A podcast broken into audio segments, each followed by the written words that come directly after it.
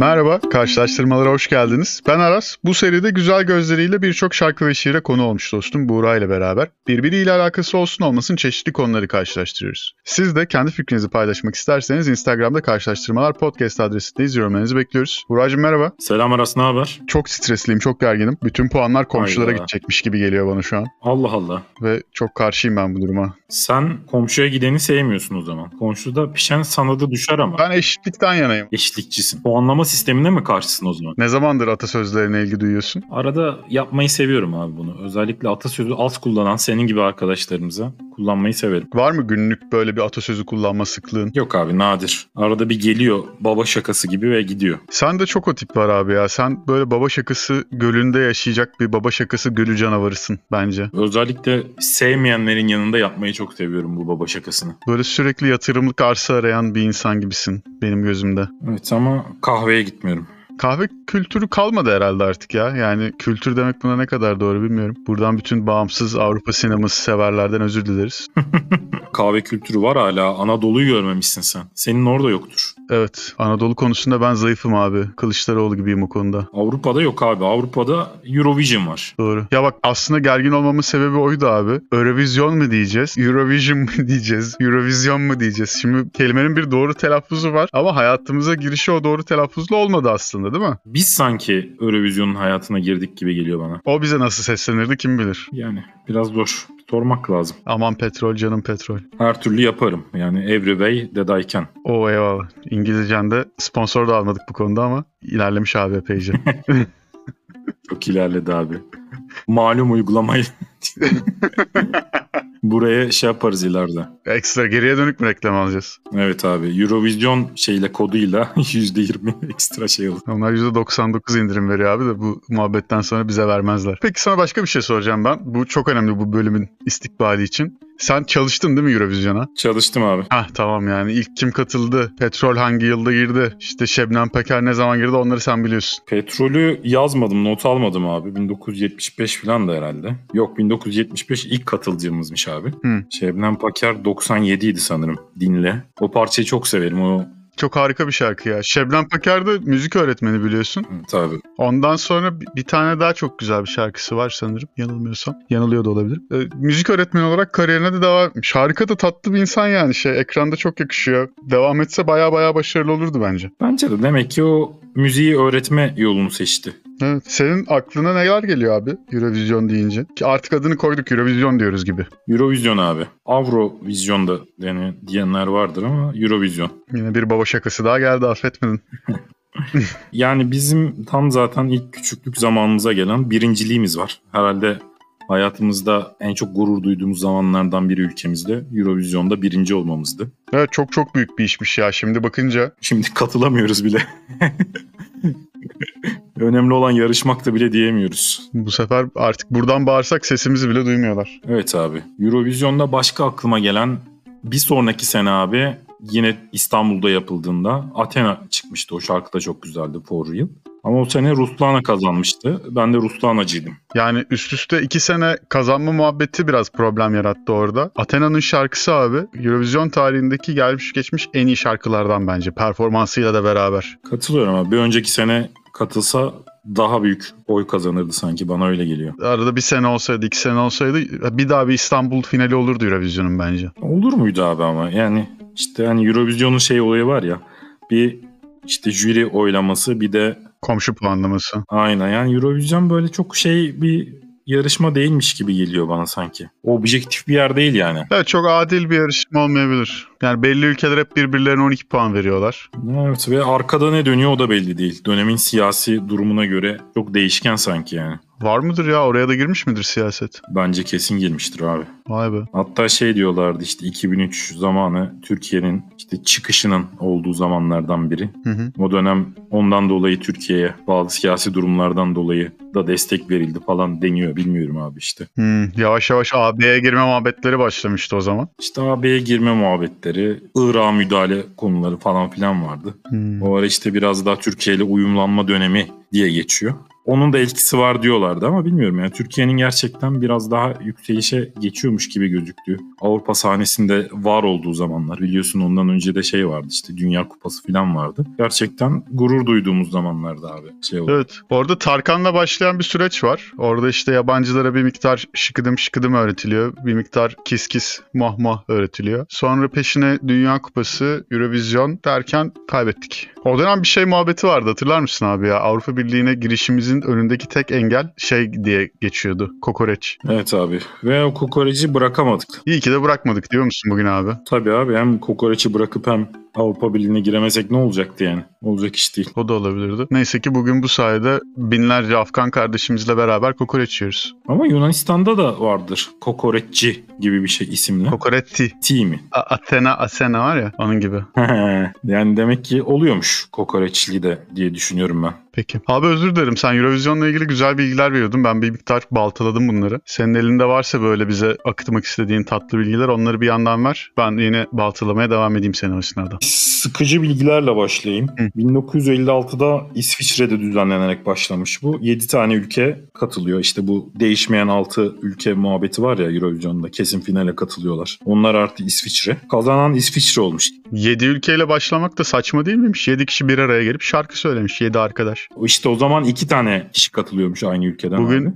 Yüksek Sadakat grubunun 7'den fazla solist değişimi yaptığını biliyoruz. Neyse. Aynen öyle. İşte o dönemler biraz da fakir dönemlermiş müzik açısından abi. Hı. Sonra yıllarca böyle devam etmiş. Türkiye'ye 75'te abi Semiha Yankı'yla katılmış. Seninle bir dakika diye bir parça bilirsin. Evet. Daha sonra coverları da yapıldı. Güzel şarkıdır. Evet ben de çok severim. Bayağı kaliteli şarkı. MFÖ falan da katılmış birkaç kez. İşte Aman Petroller falan filan Hı hı. var. Sufi var. Sonra bir sürü bilmediğim kişi var. Sufi var. Ee, Bir de Diday Diday var. Sufi çok güzel şarkı ya. Evet onu ben de çok severim. Sufi, Sufi, Sufi, Sufi, Sufi.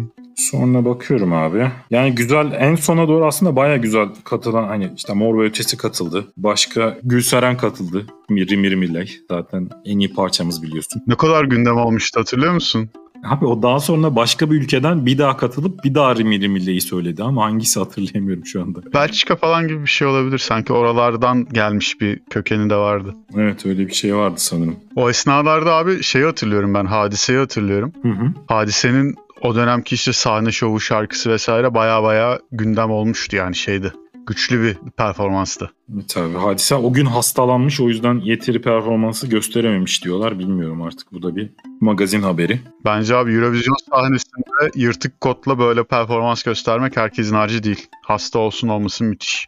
Tabii Eurovision zor yani hiçbir yere benzemez. Ne Survivor'dır. Survivor mu zor Eurovision mu abi? Abi ikisinde de komşularınla iyi geçinmen gerekiyor. Aralarında böyle bir ortak nokta var. Ya Survivor'da ne kadar gerçek olduğundan emin değilim bilmiyorum. O koşullarda yaşamak istemem herhalde. Bu karşılaştırmanın diğer tarafına geçelim istersen. Burası biraz da zayıf olduğumuz bir taraftı Türk milleti olarak ama e, son belki 15-20 yılda biraz daha atak yaptık. Orası da Nobel abi. Hı hı. Biliyorsun Aziz Sancar'la 2015'te kimya, e, Orhan Pamuk'la da 2006 yılında edebiyat ödülünü aldık. Gerçi biz almadık onlar aldı. Ülke olarak yarıştığım bir yer değil ama olsun onlar da gururumuzdur yani. Evet sen Nobel tarafında iki ödül almanın yeterli olduğunu düşünüyor musun? 100 yıllık bir cumhuriyet tarihinde. Yeterli olduğunu düşünmüyorum ama biraz da hani geçmişe göre atak yapmışız yani sonuçta. E tabi evet. Bak Eurovision'da bir tane ödülümüz var. Burada Nobel'de iki tane ödülümüz var. Biri kimya, biri edebiyat bir de yani düşün. iki farklı alanda. Gerçi Aziz Sancar hani Amerika'da alıyor. Amerika'daki hizmetleriyle alıyor. Ve Orhan Pamuk var diyelim yani. Orhan Pamuk da orada yaşamıyor mu uzun bir süredir? Hani şeyli,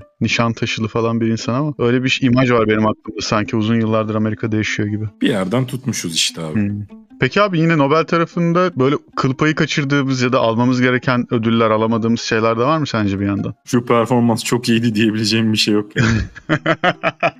Arada şeyi biliyorsun böyle Mete Atatürk'e şeyleri çıkıyor, haberleri çıkıyor. evet. Şunu yaptı, bunu yaptı diye ama ona bir Nobel gelmedi daha. Bekliyoruz. Yani orada gelebilir gibi geliyor. Ben Evrim Ağacı'nı bekliyorum ya. Evrim Ağacı'nın bir Nobel ödülü almasını çok isterim. Evrim Ağacı'na Nobel. Acaba verirler mi ya şey Nobel'i? YouTuber'lık Nobel'i. Hak ediyor ya bence. Yani bilime katkısı en az bir Aziz Sancar kadar yok mudur abi?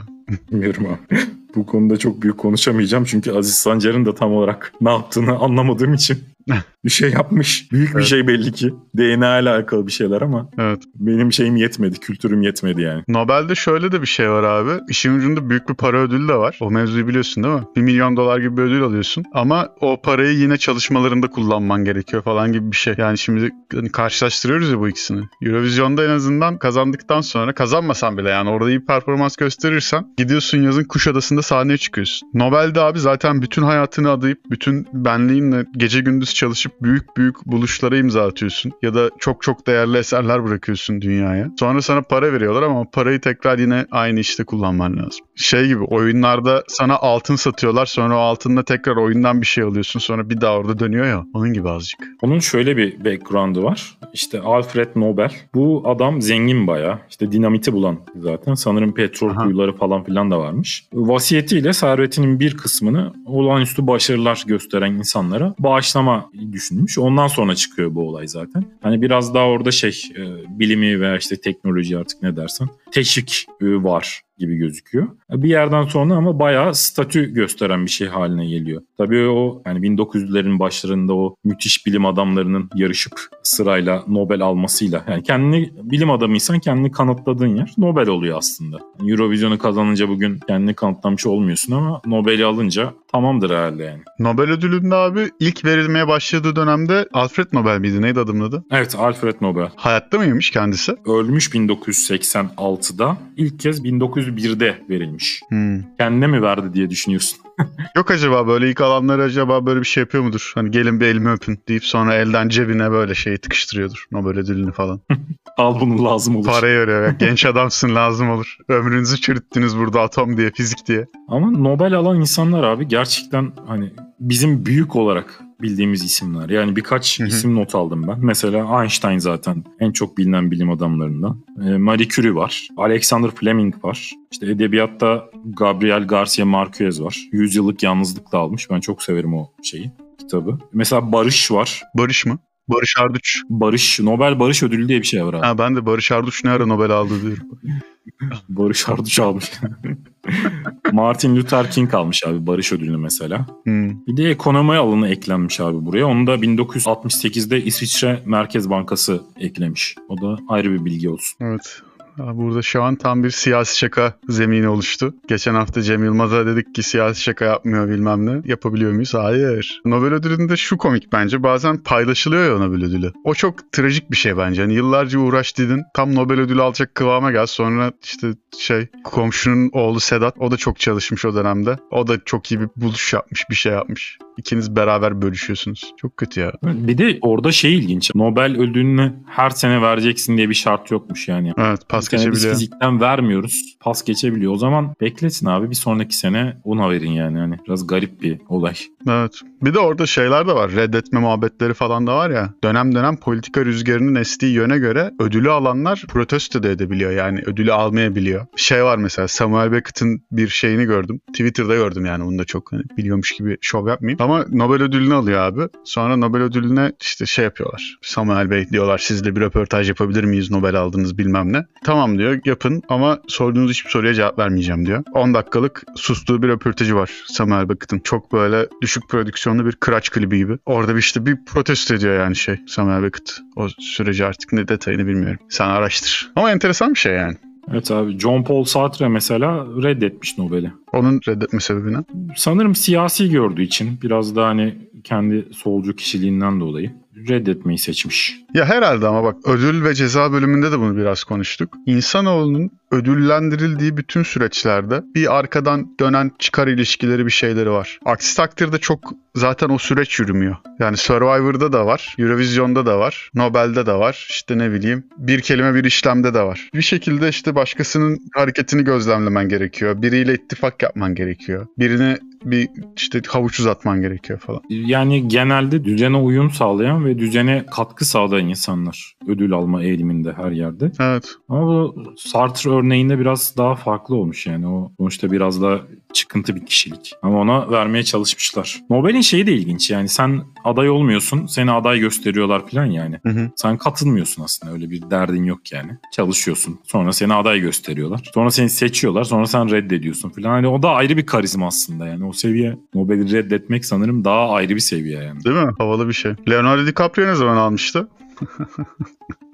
Beş kere aday gösterilip alamamış. Revenant'la almış diyorlar. Çalışılmış bir şakaydı. Benim sana şöyle bir sorum var. Sen bu iki ödülden yani Eurovision'dan veya Nobel ödüllerinden herhangi birinden birini alacak olsan hangisini almak isterdin? Yani ödülü aldığın zamana göre Beyaz Show'da bir koltuğun zaten garanti öyle düşün. Hı hı. Ama hangisini almak isterdin işte? Şimdi düşünelim. Eurovision müzik. Nobel'de şey de var yani. Fizik, kimya, tıp, edebiyat, barış, ekonomi. Hı hı. Düşünüyorum. Edebiyat ödülünü almak isterdim ya Nobel'de. Öyle mi? Yani onu almış olacak edebi seviyeye gelmek hoşuma gidebilirdi. Sen ne dersin? Eurovision ilgini çekmedi mi? Çekmedi abi Eurovision. Şu an Türkiye'den izlenemiyor bile yani. Bunu burada açıklayacağım bu arada. Yani Eurovision'u ben de çok severek izledim ama Eurovision çok kötü bir müzik yarışması ya. Evet. Yani müziklerin kalitesi de kötü, bazı şovlar da kötü, oylama da çok Evet. kötü. Kendi ülken katılmayınca hiçbir tadı yok yani. Türkiye katıldığında Kesinlikle. çok zevkli de. Kendi ülkenin katıldığı durumdaki o sıcaklık da bambaşka değil mi ya? Evet. Hazirandan sonra Eurovision diye bir şeyin varlığını unuturduk. Sonra Şubat gibi böyle Eurovision'a kimin katılacağı belli olurdu. İşte şarkıları dönmeye başlardı, klibi çıkardı bilmem ne. Böyle herkes bir bütün olurdu. Onu bilirdi, onu konuşurdu. İşte şey kitap şekerim, düm tek tek, rimi rimiley, herkes akıllı, bir ben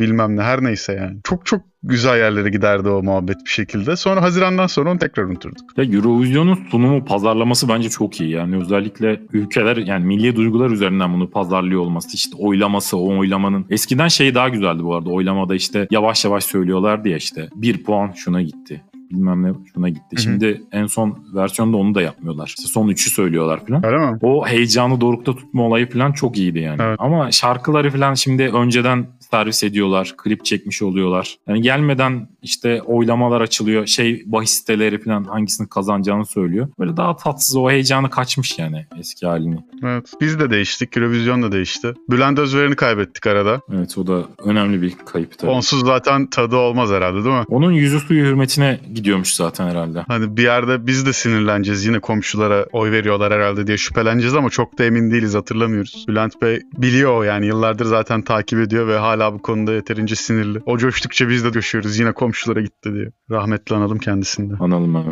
Peki abi kendini hiç Eurovision sahnesinde hayal ettin mi? Ettiğim bir zaman olmuştu ya küçükken. Çok eğlenceli olur. Böyle bir sahne performansı gerçekleştirebilmek. Ne yapardın? Nasıl bir dans ederdin? Özellikle böyle en sonda sahne var. Sahneden böyle ileriye doğru seyircilere doğru koşturdukları bir yer oluyor ya. Hı hı. Oraya sahneye doğru koşturup atlamak isterdim ben seyircilerin üstüne mesela. Vay be. Human Surf dedikleri olay. Ama en çok hoşuma giden performans abi Lordi'nin Hard Rock Hallelujah'ydı. Onu sevmemiştim ben hiç. Allah Allah. İlginçmiş. Türkçe şarkıyla mı katılırdın İngilizce mi peki? İngilizce abi. Öyle mi? Ki şarkı gitmiyor. Anlamıyor adamlar ya. Yani uluslararası değil İngilizce. Peki bir tane Türkçe kelime sıkıştırır mıydın araya? İşte şey kitap şekerim gibi.